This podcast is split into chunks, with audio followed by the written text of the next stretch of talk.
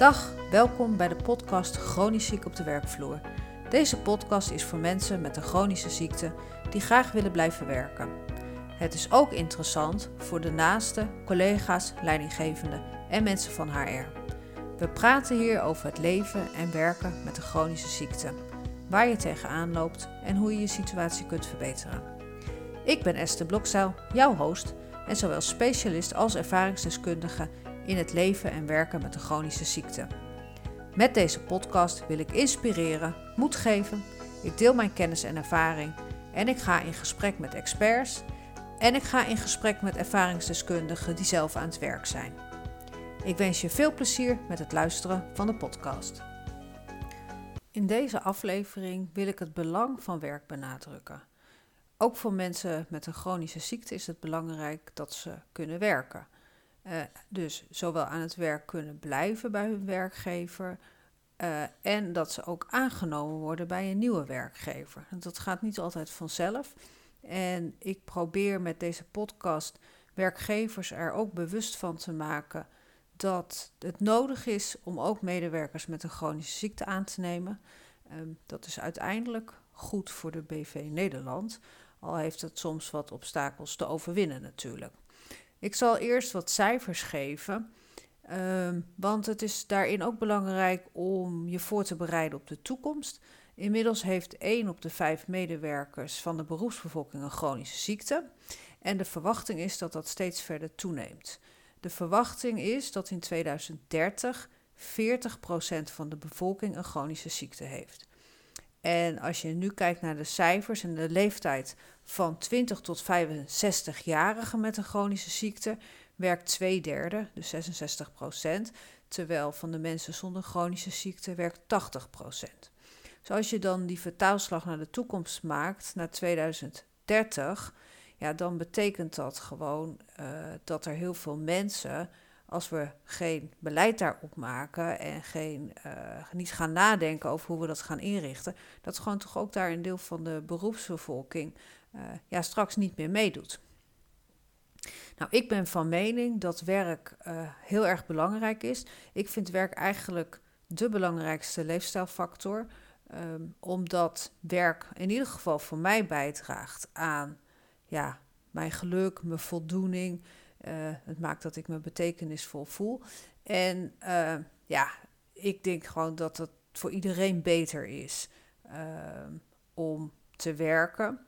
Nou, ik heb even nagedacht voordat ik de podcast opnam van wat, wat betekent werk nu voor mij als ik daar rustig voor ga zitten en ik ga zo, ik neem een gewone gemiddelde werkdag, zeg maar.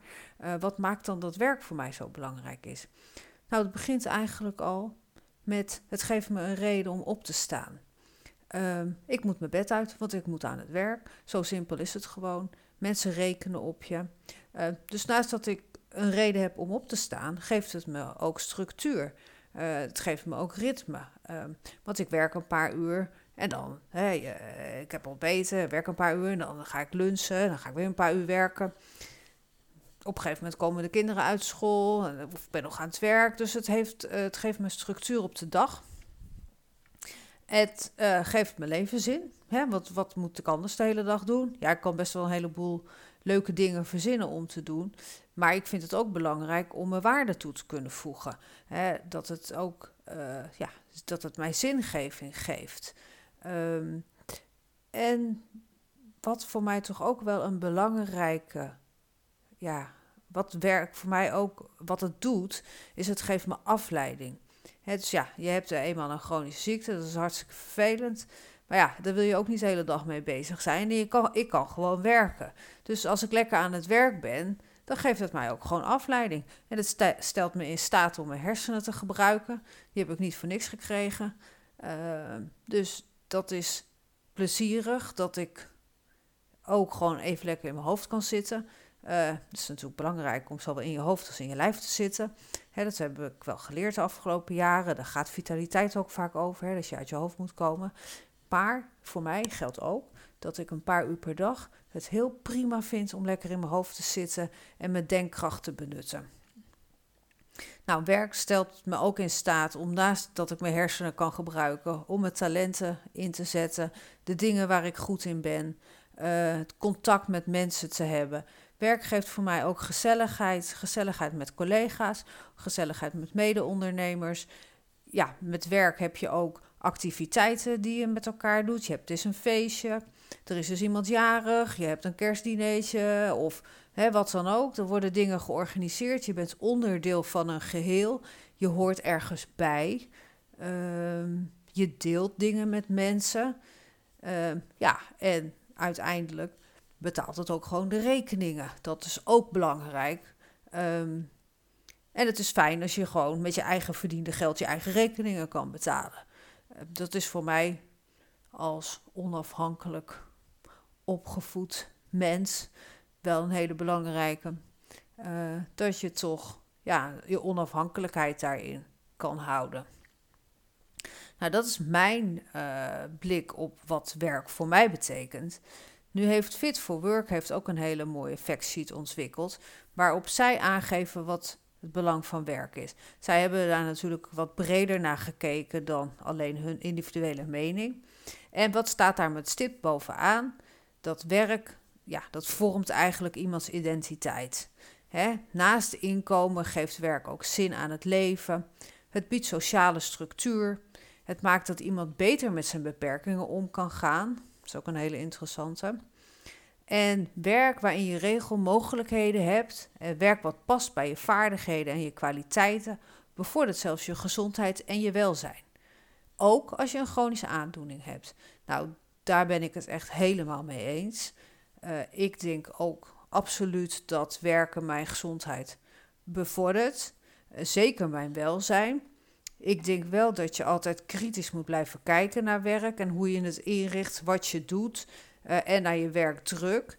Um, op het moment dat werkdruk te hoog wordt, is het wel belangrijk om daarop te interveneren, zeg maar. En te zorgen dat je work-life balance goed blijft.